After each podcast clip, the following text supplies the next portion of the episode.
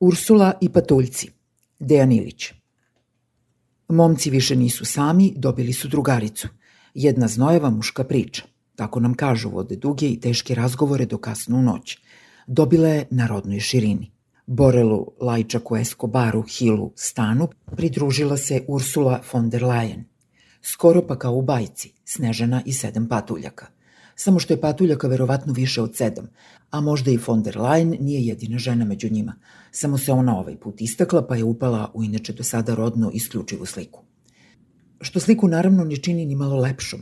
Gotovo u isto vreme kada von der Leyen odaje priznanje Vučiću, između ostalog i zbog uspešne reforme u polju medija, misli se na zakon o medijima u direktnoj suprotnosti sa medijskom strategijom donetom po uzoru na slične dokumente u Evropskoj uniji, Šešelj objavljuje da će Srpska radikalna stranka na izbore izaći u koaliciji sa Srpskom naprednom strankom. Dakle, osuđeni zločinac i osoba s nove poternice suda u Hagu, novi je partner bajkovitog srpskog proevropskog reformatora Vučića. Na konferenciji za novinare nije bilo prilike da Evropsku Snežanu, mada više je ličila na uspavanu lepoticu, pitaju kako iz ugla evropskih vrednosti izgleda obnovljena saradnja Vučića i Šešelja – Punih usta evropskih vrednosti, von der Leyen je sebi dopustila da učestvuje na konferenciji na kojoj novinarima bilo zabranjeno da postavljaju pitanje. Ko zna, možda su i Borel, Lajčak, Escobar, Hill Stano objasnili da je Srbija jedna poludivlja zemlja, pa je von der Leyen uglavnom klimala glavom. Kao da je poslušala narodnu mudrost, u opasnosti pravi se mrtva. Da li vrebaju medvedi ili varvari, svejedno je – samo što ipak nije mogla biti sasvim mrtva na konferenciji za novinare, sve bi u ovoj sintagmi moralo stajati pod navodnicima, jer niti je to bila konferencija, niti je bila za novinare.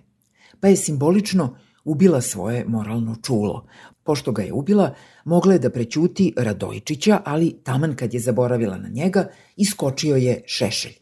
Kad se već našla u situaciji da promoviše Evropsku uniju i evropske vrednosti s Vučićem i Šešeljem i ne samo da promoviše, nego i da evropskim parama direktno finansira ovu dvojicu, Sledeći put von der Leyen može još samo da uzme kanticu s bojem i četku i da po zidovima širom Srbije ispisuje kad se vojska na Kosovo vrati.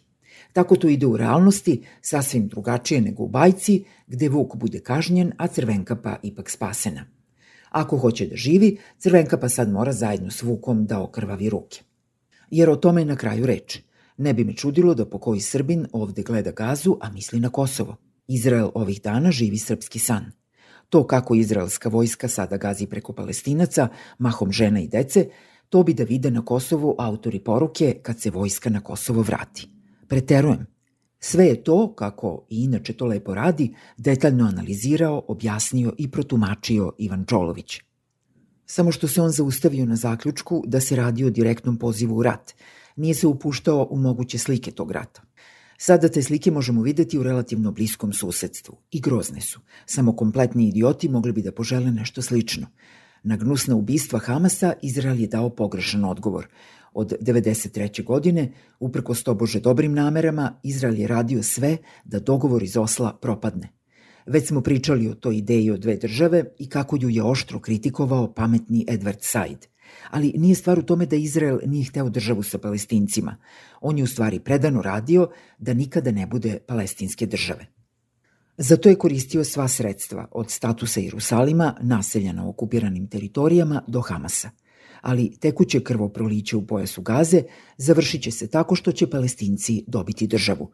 Ova mera patnje i stradanja morat će se kompenzovati formalnim priznanjem palestinske političke zajednice. Kada srlja u Gazi, Izrael hrli ka palestinskoj državi, jer nijedno drugo rešenje neće biti moguće.